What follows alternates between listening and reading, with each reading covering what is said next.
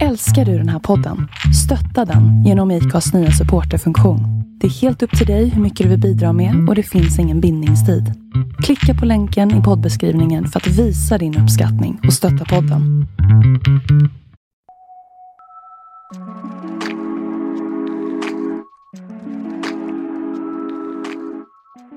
Utvisningar av människor från Sverige är frågor som ofta väcker debatt och hamnar på löpsedlarna.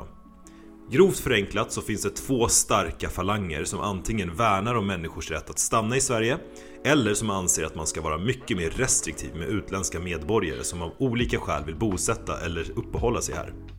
Senaste tiden har vi kunnat läsa om ett par uppmärksammade fall som berör utvisning på ett eller annat sätt. Dels har vi fallet Tim som handlar om en treårig pojke som ska utvisas till Nigeria samt ett annat fall där en irakisk familj efter 20 år i Sverige där de har genomgått både skolgång och har jobb samt två barn som är födda i Sverige ska utvisas. I dagens avsnitt ska vi försöka ge er en överblick över vad som gäller vid utvisningsbeslut. Vilka är det som bestämmer? Vad grundar sig besluten på? Och hur har man resonerat i de här uppmärksammade fallen som vi fått läsa om i media? Asylrätt och utvisningar är som många andra juridiska områden väldigt komplexa och stora. Och det är viktigt att påpeka här att vi inte är några experter på det här området även om Viktor har jobbat lite med de här frågorna tidigare.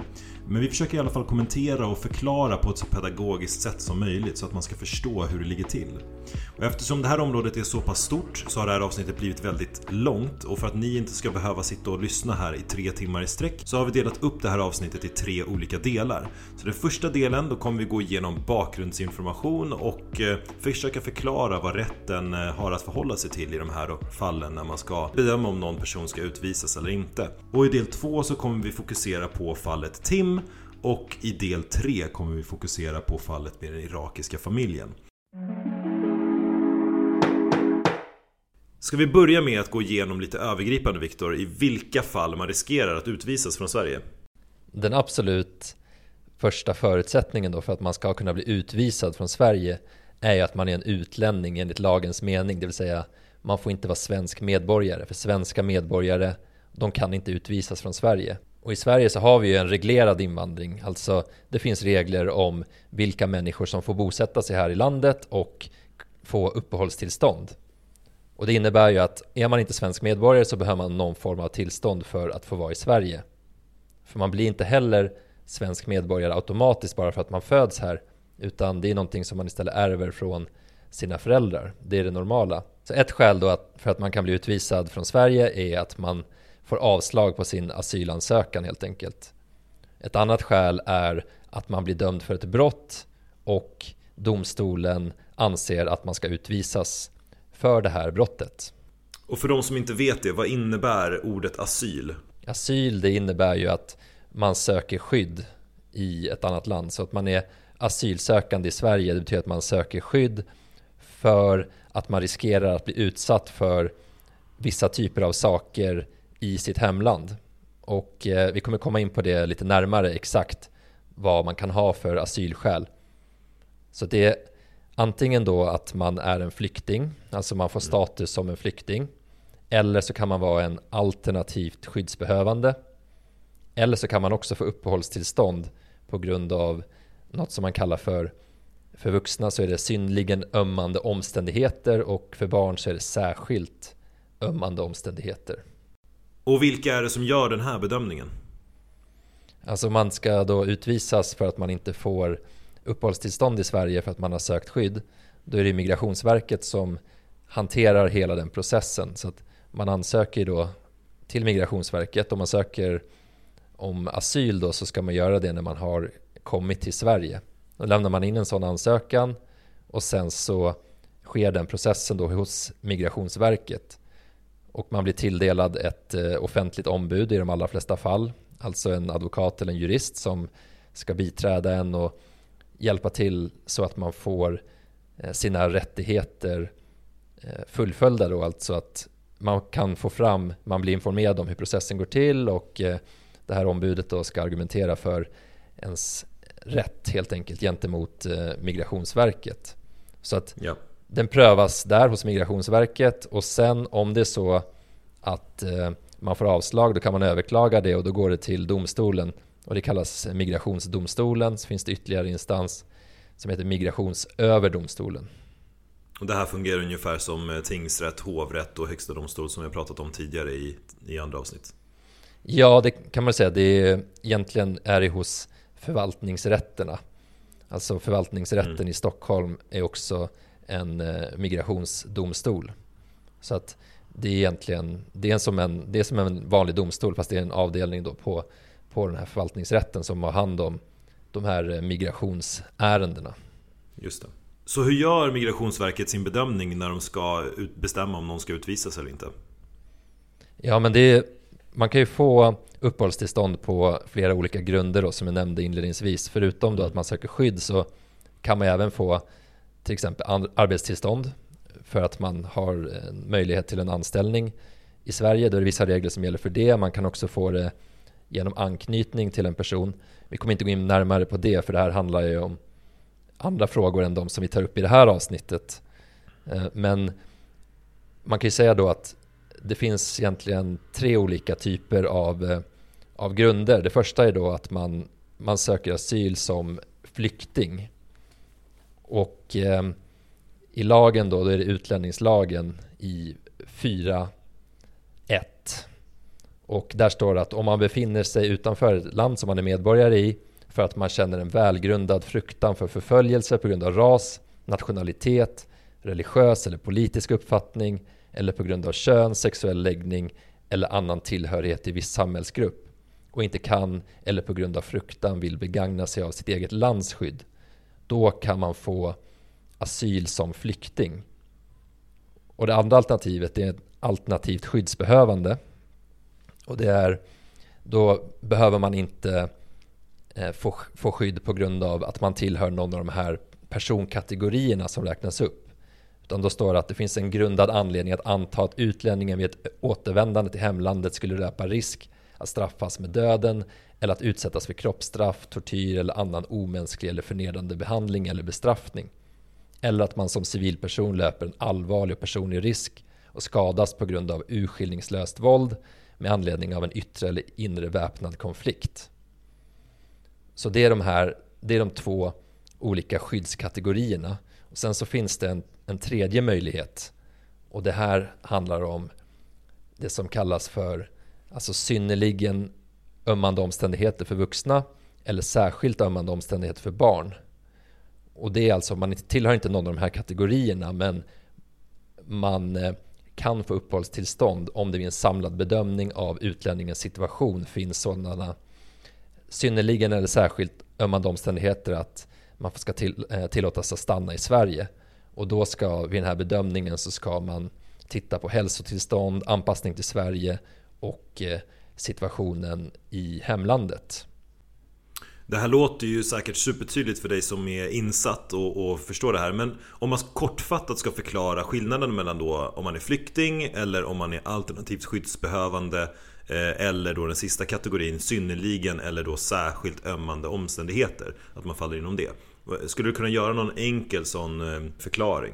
Ja men alltså då flyktingkategorin Då ska man ju tillhöra en, en, någon av de här grupperna som räknas mm. upp i lagen Precis, och, och religiös nationalitet, sexuell läggning, politisk precis, uppfattning exakt, och så vidare. Mm. Exakt, och det är därför man känner den här eh, välgrundade fruktan för förföljelse.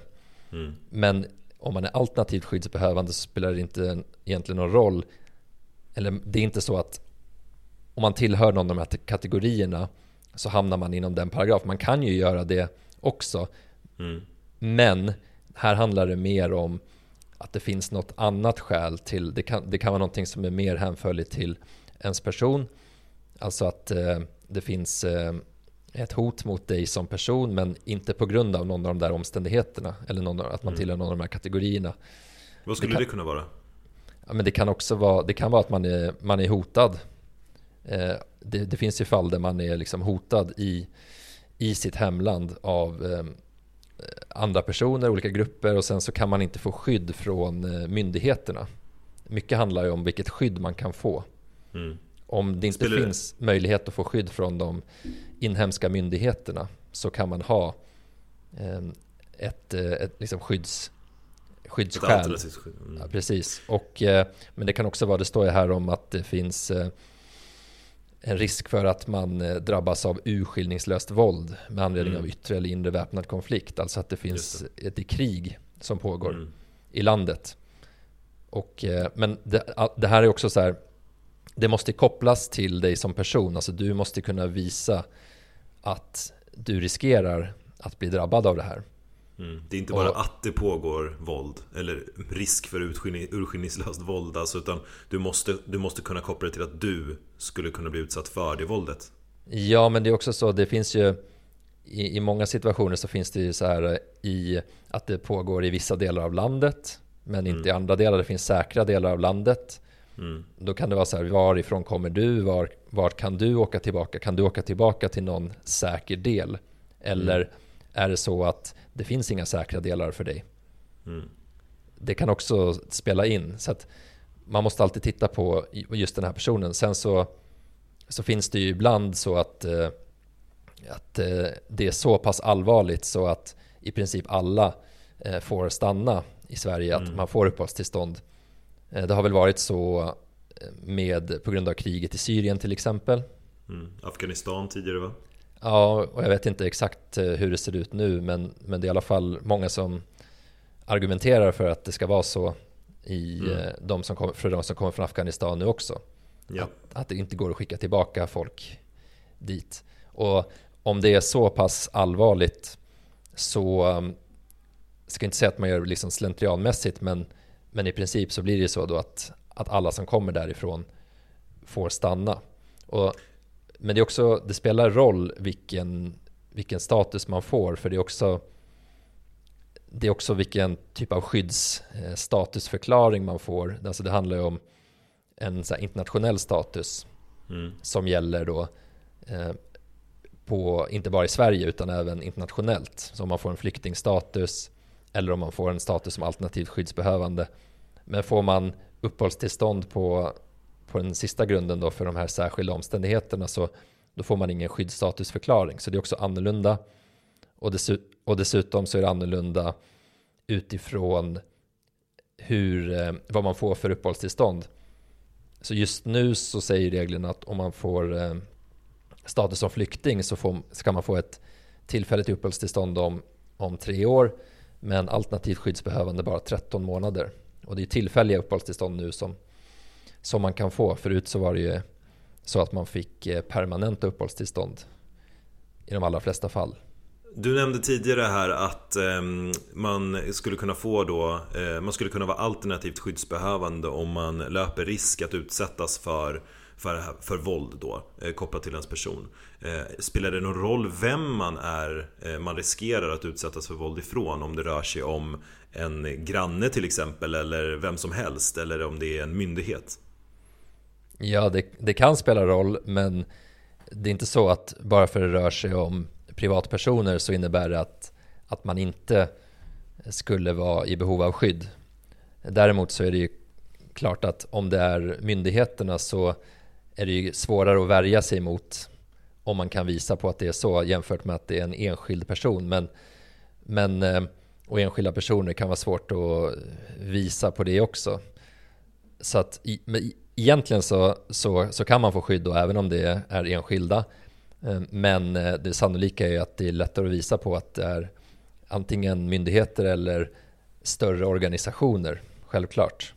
Mm. Och då måste det komma upp i någon form av nivå av hot? Alltså gör man den bedömningen? Jag tänker typ om jag är eh, norrman och ja, men har en grannfejd om vi ska ta det exemplet och, och jag känner liksom Jag känner att jag är hotad eh, Kanske till mitt liv men, men det kanske är att jag, eh, ja, jag Jag känner det men jag har ingen riktigt fog för att känna det Kan jag då söka liksom eh, någon form av, eller anse mig själv vara alternativt skyddsbehövande i Sverige? Ja, om jag förstår saken rätt så eh, om du är en nordisk medborgare då som både Sverige och, och Norge tillhör så har du ju rätt att bosätta dig i något av de andra nordiska länderna. Men om man ändå ska svara på det exemplet då så handlar det ju om Alltså det ska finnas en grundad anledning. Det får inte bara vara någon uppfattning som inte har någon bäring på verkligheten, på verkliga förhållanden. Så du måste ju kunna visa det. Och sen så handlar det också om att du inte ska kunna få skydd av eh, ditt hemland, alltså mm. av myndighetsskydd i det landet där du kommer ifrån. Mm. Och om det då finns ett välfungerande rättssystem, polisiärt system, alltså att eh, man beivrar brott och att man kan få skydd på olika sätt så kommer man då inte kunna hävda en sån sak. Utan mm. det krävs ju på något sätt att det, alltså, så det, det går inte att bara hävda saker. Migrationsverket har ju bra koll på de här olika länderna. Det finns olika typer av landinformation om varje land där man har utrett då vad är det för nivå av korruption i det här landet? Vad finns det för risker för olika typer av personer, för kvinnor, för barn eller personer som tillhör olika grupper, kan vara religiösa grupper eller kan vara homosexuella eller liknande. Så att alla de här sakerna som man då skulle kunna säga, de kommer ju kontrolleras emot fakta som finns. Så att det är självklart att ska uppnå en ganska hög nivå. Alltså någon form av liksom kvalificerad hot eller fruktan. Eller det ska vara, det ska ha, det ska ha, liksom vara verkligt.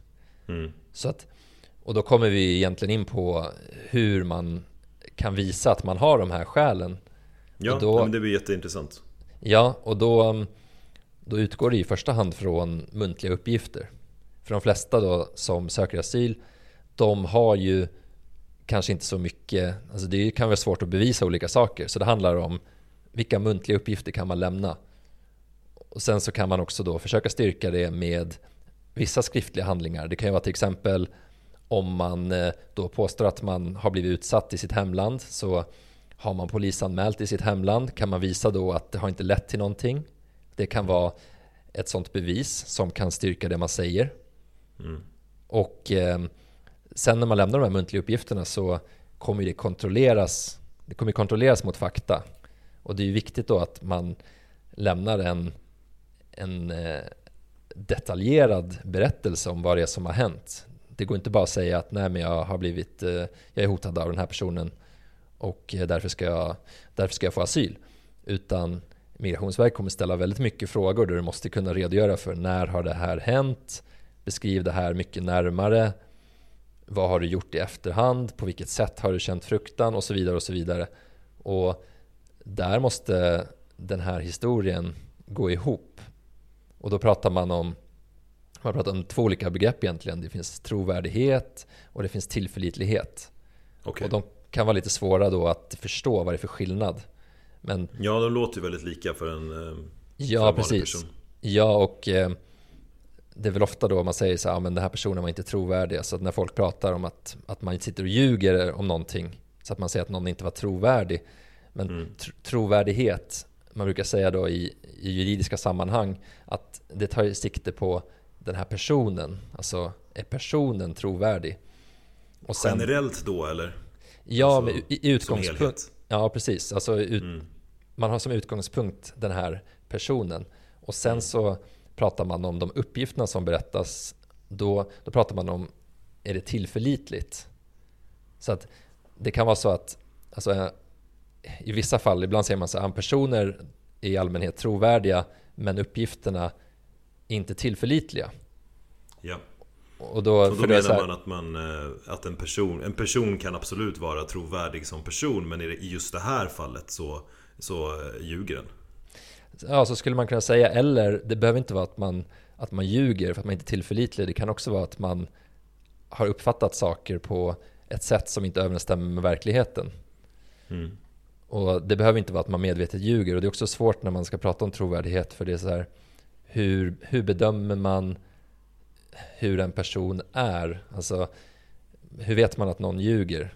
Det är, det, det är svårt att veta, jag vet inte, det finns väl inte riktigt någon, eh, eh någon etablerad forskning om det, att man liksom pratar på ett visst sätt eller att man agerar på ett visst sätt. Till exempel om man tittar åt ett visst håll eller mm. vet, så här som man brukar säga, man kanske vet, kliar sig i ansiktet eller det finns ju massa olika saker där man säger så ja. den här, den här om den här personen gör så här då, då betyder det att han ljuger. Ja, vi har ju sett eh, i amerikanska filmer och tv-serier just sådana här lögndetektortest också. Ja, exakt. Att, att man försöker någonstans att komma till någon form av vetenskaplig slutsats för att, för att kunna bevisa att någon ljuger. Exakt. Exakt, och det, det är det som det blir problematiskt för att det är inte, det är inte etablerat på det sättet att, eh, att man kan veta det. Så det man gör istället är när man, när man tittar på någons berättelse då, så, så ska man avgöra, är det här tillförlitligt? Och då prövar man det och jämför då med fakta. Man, alltså kända fakta, etablerade fakta. Det kan vara till exempel det som jag sa innan, det finns landinformation mm. som säger att det är på det här sättet i det här landet. Typ, Anna... man vet att homosexuella förföljs i ett land och eh, man, kan man då bevisa att man är homosexuell? Ja, då, då... Ja, till exempel. Det kan också vara hur, hur har man berättat den här historien under resans gång? Mm. Det kan vara så att eh, vissa saker kommer fram liksom först i slutskedet och då kan man ju fundera på varför har den här personen inte sagt det här tidigare? Eller att det inte stämmer överens på något annat sätt. Och eh, när jag läst på lite så har jag sett, det var en intervju i tidningen Advokaten med en, eh, en eh, domare då eh, som har suttit i en av de här migrationsdomstolarna. Och han mm. säger så här att man inte, man prövar inte om en person är trovärdig utan man prövar om de här uppgifterna som man lämnar är tillförlitliga. Mm. Så om, om man försöker bedöma uppgifterna utifrån personen som berättar, alltså utifrån den här personen, om den är trovärdig, riskerar man att hamna helt fel. Ja. Så, att, eh, så därför är det väldigt viktigt att man skiljer på de här begreppen. Okej, men då, då har vi gått igenom utvisningar utifrån det faktum att man saknar asylskäl egentligen. Men du nämnde också i början där att det finns en annan, en annan utvisningsform, det vill säga att man blir utvisad från, från Sverige efter att man har begått en, en brottslig handling. Alltså som en del av straffet kan man säga. Hur funkar det? Ja, det är samma sak där som det vi nämnde inledningsvis, att är man svensk medborgare så kan man ju inte utvisas. Det är ibland folk som uttrycker sådana uppfattningar om att personer ska utvisas ändå för att de har härkomst i något annat land, men det går ju inte enligt... Det är ganska aktuellt eh, just nu va, med de här IS-kvinnorna som eh, kommer tillbaka efter att ha krigat. Eh, är det Syrien? Jag gissar att det är Syrien. Ja, absolut. Och eh, där är ju situationen annorlunda. Att de, de utvisas ju från där de är till Sverige.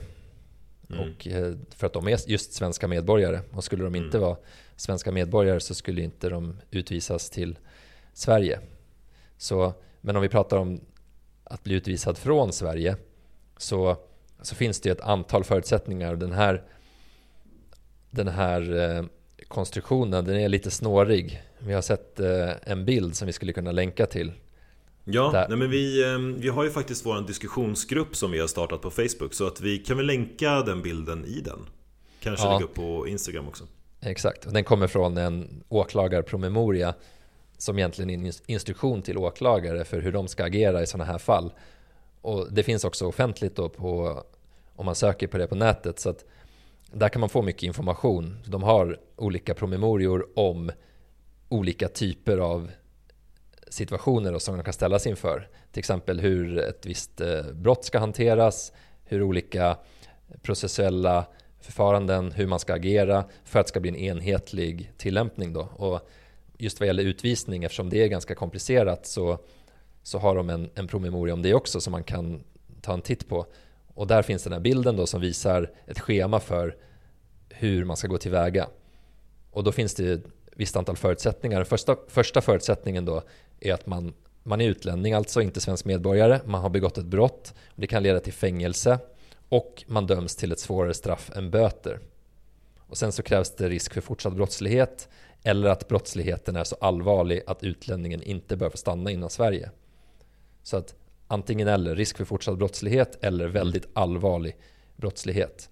Okay. Och, och, när man tittar på risken för fortsatt brottslighet då i normalfallet är det så att om man har tidigare blivit dömd för något annat brott och sen så kan man också se om det finns någon återfallsrisk och så. Mm. Och så säger man normalt så, så bör det här brottet då som man har begått så bör det finnas ett straffvärde om minst ett år för att man ska kunna bli utvisad. Och sen så om det är svårare integritetskränkningar med skyddslösa personer så ska det också tillmätas extra stor betydelse. Så det är egentligen det är, det är förutsättningarna med utgångspunkt i själva brottet. Sen finns det också andra förutsättningar med utgångspunkt vad den här personen har för status i Sverige. För det spelar mm. också roll. Så Även om, man... om vi, just det här med ehm, de här sakerna du nämnde nyss, de här utgångspunkterna för brottet eller för utvi, om man ska utvisa någon som begått brott. Var, var, kan man utläsa dem någonstans? Står det i lagen eller framgår det i praxis eller hur, hur har man kommit fram till det? Mm, ja, vissa saker står, står i lagen och sen så vissa saker är hur man har tillämpat det tidigare. Alltså mm. antingen då att det finns i, eh, i förarbetena, att det är så här man ska se på det. Eller så har Högsta domstolen då eh, fattat olika eh, beslut i domar där man har resonerat kring det här, vad som ska krävas och så. Mm. Så, um, så det, det, är så man kommer fram till det. Men allt det här står ju inte i, i lagen, men vissa saker gör det. Mm.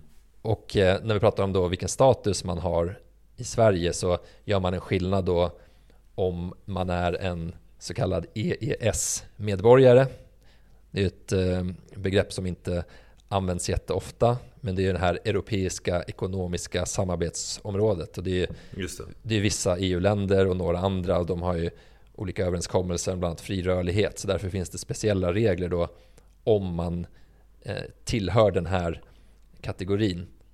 Och sen Grovt så är det... förenklat kan man väl säga att det är europeiska länder. Alltså Norge som inte är med i EU till exempel. Ja, där. de flesta europeiska länderna. Mm. Och sen så, um, de, och de är ju då svårare att utvisa mm. än om man inte tillhör något av de länderna. Eller okay. är medborgare i något av de länderna. Och ja. sen så är det också betydelse hur länge man har vistats i Sverige, hur gammal man var när man kom hit. Och sen finns det något som man säger är ett absolut utvisningsförbud. Och det är om det är en utlänning som kom till Sverige före han var 15 år och som också har eh, vistats i Sverige i fem år. Okay. Då, då får man inte utvisa den personen. Och sen kommer vi in här på en specialregel då för de här EES-medborgarna och det är om man har vistats i Sverige i, i 10 år och eller om man är under 18 år. Och då säger man att då förutsätts att ett utvisningsbeslut är oundgängligen nödvändigt. Oundgängligen nödvändigt tror jag du får förklara. Ja, ja men det är ett begrepp då som ska på något sätt visa att det ska vara väldigt starka skäl. Alltså man ser på det här utifrån proportionalitetsprincipen. Mm. Och det här är då, det ska vara nödvändigt för att man ska kunna uppnå det här målet som man har, att man ska undanröja ett hot mot all, den allmänna säkerheten. Mm. Och då har man tittat på här, i praxis då, så, så kan det vara så att det är eh, om man har begått mord eh, eller eh, grov våldtäkt mot barn till exempel. Då mm. har man kunnat sagt att då är man ett allvarligt hot mot eh, samhället. Och då, då, då uppnår man den här, eh, det här kravet. Och det är, det är som sagt det är väldigt, väldigt starka skäl ska det finnas. Starkare ja. än synnerliga skäl säger man. Okej, okay. det här vi... är starkare än synnerliga skäl, alltså oundgängligen nödvändigt. Det är helt enkelt, eh, vi, vi, behöver avlägsna den här personen från landet. För ja. att den har begått så pass allvarliga brott. Precis, för vi vet ju att synnerliga skäl är ju någonting som är oerhört starkt. Det ska vara oerhört mm. starka skäl. Ja. För det, det har vi också här i, i den här i utlänningslagen då, som vi pratade om tidigare. Mm. Med om det finns synnerligen ömmande omständigheter för vuxna eller särskilt ömmande omständigheter för barn. Mm. Så att det, det Först kommer särskilt, sen kommer synnerligen och sen så, ja, i det här fallet då, så kommer oundgäng, oundgängligen efter det. Ja, men det, det här är ju någonting som eh, icke-jurister kanske eh, tycker är lite svårt Eller som man kanske inte ser någon, någon större vikt vid att, att eh, rangordna på olika sätt Men i, i den juridiska kontexten är det oerhört viktigt vilket ord man använder för att man ska kunna för att man ska kunna göra en korrekt bedömning helt enkelt. Är det ett ord som är starkare än det andra ordet, i det här fallet då som du pratar om, alltså är oundgängligen starkare än synnerligt till exempel Eh, då blir det ju otroligt viktigt för själva, för själva den här ehm, argumentationen för om någonting ska vara det ena eller andra till exempel. Eller om det ska nå upp till ett visst krav. Ja, men så är det ju verkligen. Att man måste ju förstå det då.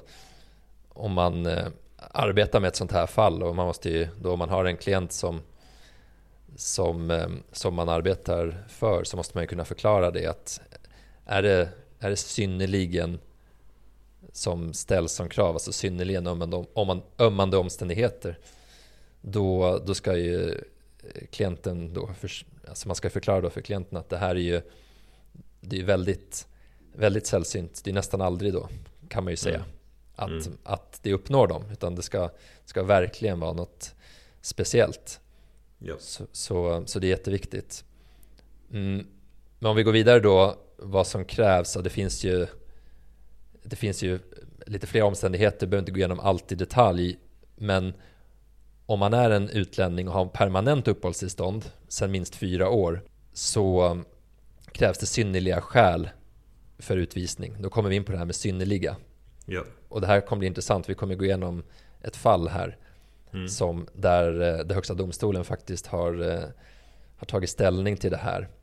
Och det är till exempel då synnerliga skäl i det här fallet kan föreligga om det har ett högt straffvärde och mycket allvarlig art. Så, och sen ehm, vad gäller EES-medborgare så ska det finnas krav på att det sker av allmän ordning och säkerhet och den här utlänningens beteende ska utgöra ett verkligt, faktiskt och tillräckligt allvarligt hot mot grundläggande samhällsintresse. Mm. Så att, nu har vi gått igenom de här förutsättningarna och sen så tittar man på själva anknytningen till Sverige. Mm. För då är det så att om det finns förutsättningar för utvisning på grund av brott så tittar man på vad har den här utlänningen då för anknytning. Och Okej, så de... det här är alltså är det nästa steg i processen? Alltså man, först måste man gå igenom den här ganska eh, rigorösa prövningen som, som du nämnde nyligen då utifrån massvis med olika eh, parametrar. Och då kan man komma fram till att jo men eh, eh själva förutsättningen för utvisning eh, med utgångspunkt från då utlänningens status Eh, det, det, finns helt enkelt. Och nu kommer man då till anknytningen till Sverige som någon form av nästa steg. Är det så vi ska tolka det? Mm, ja, exakt så är det. Mm. Så, och då kommer då domstolen måste beakta vad har den här utlänningen för omständigheter? Hur lever han i Sverige? Har utlänningen barn i Sverige till exempel? Hur länge har man vistats i Sverige? Mm. Och här kommer vi in på den här principen om barnets bästa också. Att Just det. För att om utlänningen har då underåriga barn i Sverige så det innebär inte att man är friad eller man är fredad från utvisning. Men däremot Nej. att eh, man måste väga de här omständigheterna. Det kan vara så att motstående intressen är tyngre än barnets behov.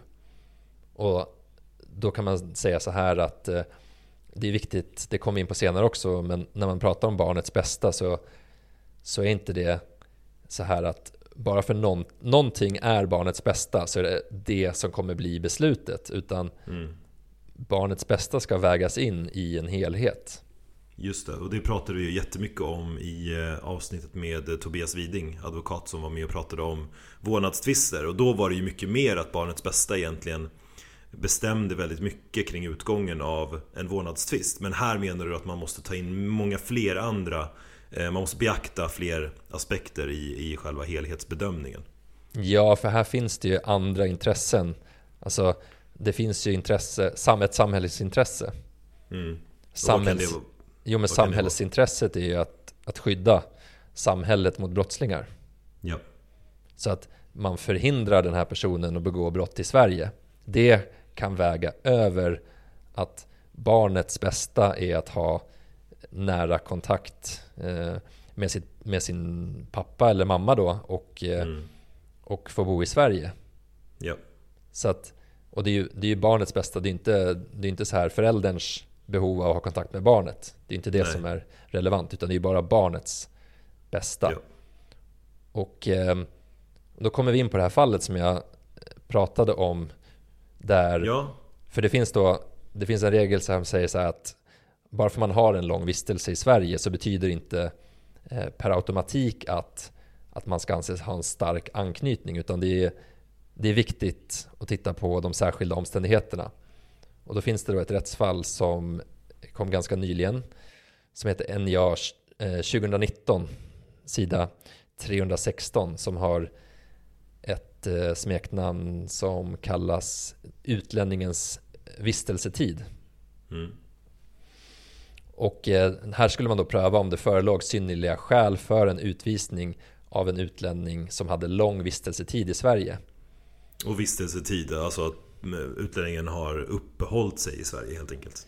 Ja, precis. Han har, han har varit här, han har bott här och han har också haft eh, uppehållstillstånd i Sverige. Mm. Det, här, det här fallet då, det handlade om en man som han var medborgare i Somalia och hade ansökt om asyl i Sverige 2009. Och då var han 23 år.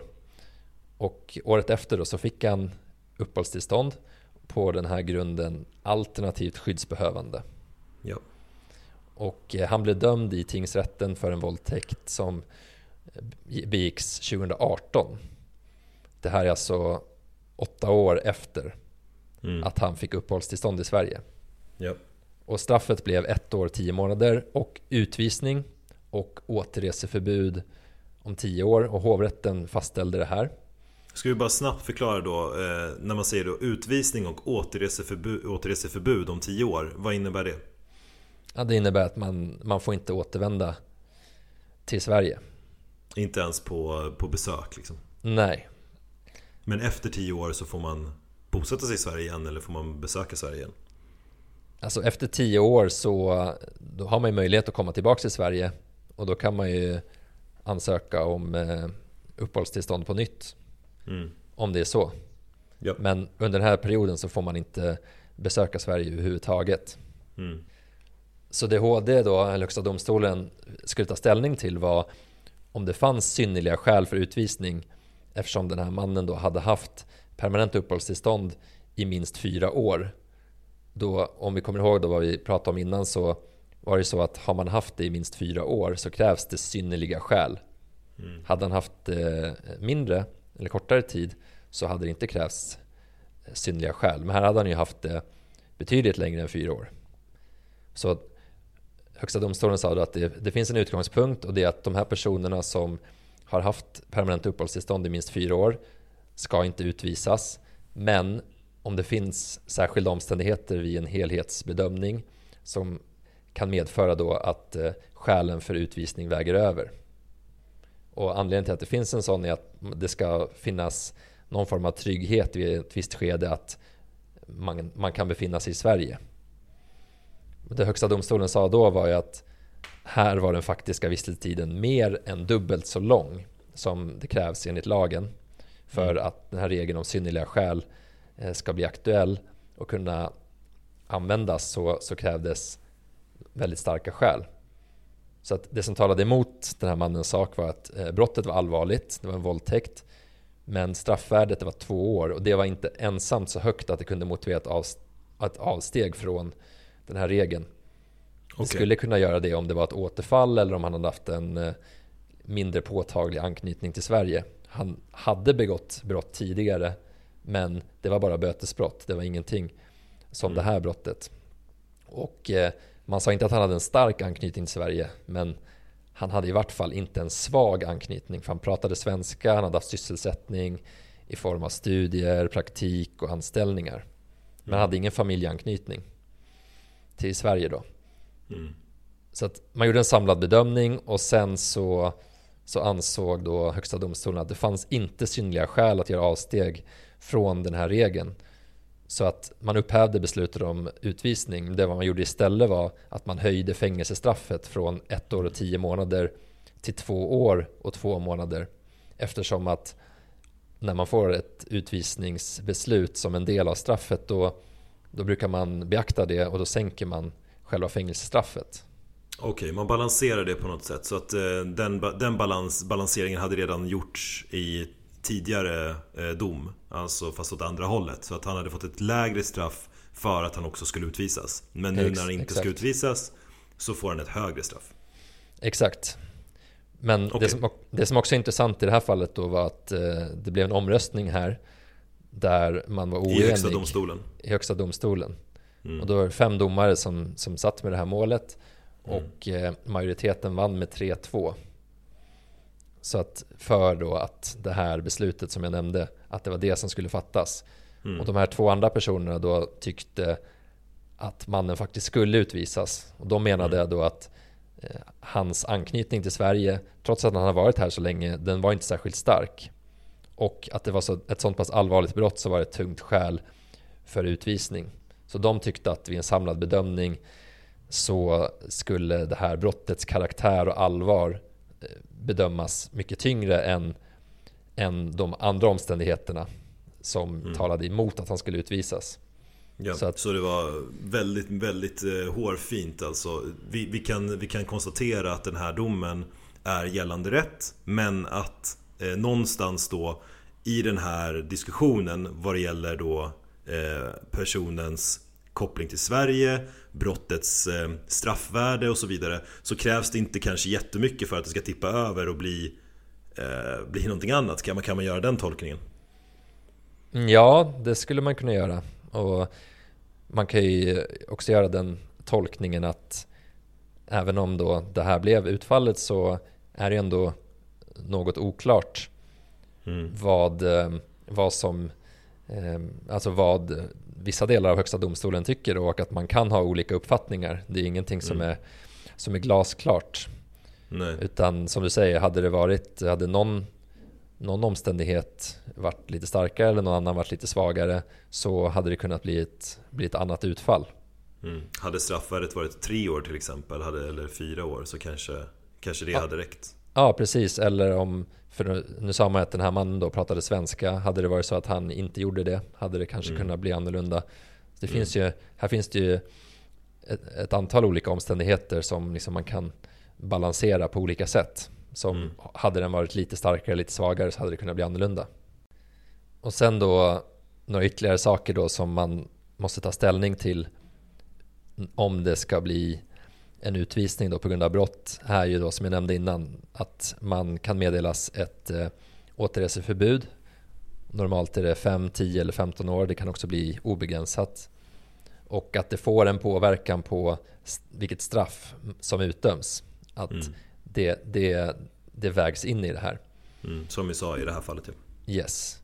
Men sen så finns det också någonting eh, som kallas för verkställighetshinder. Mm, vad är det för något? Och det, det är ju att, att det finns egentligen skäl då för att eh, utvisa en person. Och det här, är, det här är relevant både om man skulle bli utvisad för brott men också om man blir utvisad eh, av, eh, på grund av att man inte får uppehållstillstånd eh, från Migrationsverket. Och eh, då, det är så här att man, man kan inte verkställa det här, det går inte. Det finns då individuella eller generella verkställighetshinder. Vad skulle det kunna vara för, för några hinder till exempel? Ja, men där finns det också flera rättsfall där Högsta domstolen har, eh, har uttalat sig om det här. Och eh, de heter eh, de är samlade i NJA 2019 sida 47 Utvisningsverkställighet 1 till 3. Mm. Och, och då handlar det då om om en person inte kan skickas till ett visst land eller om det finns särskilda hinder mot att verkställa det här beslutet och då är det till exempel då om, om en person riskerar att utsättas för dödsstraff, kroppsstraff, tortyr eller annan omänsklig eller förnedrande behandling. Mm. Om man skulle bli eh, antingen då eh, skickad till, alltså utvisad till det landet eller att han riskerar att sen skickas vidare till ett annat land där han kan bli utsatt för det här. Mm. Då får man inte utvisa Det här är, det är ett generellt förbud. Det, är, eh, det finns inga undantag från det. Det är ett så kallat absolut verkställighetshinder. Man kan jämföra då med artikel 3 i Europakonventionen om de mänskliga rättigheterna.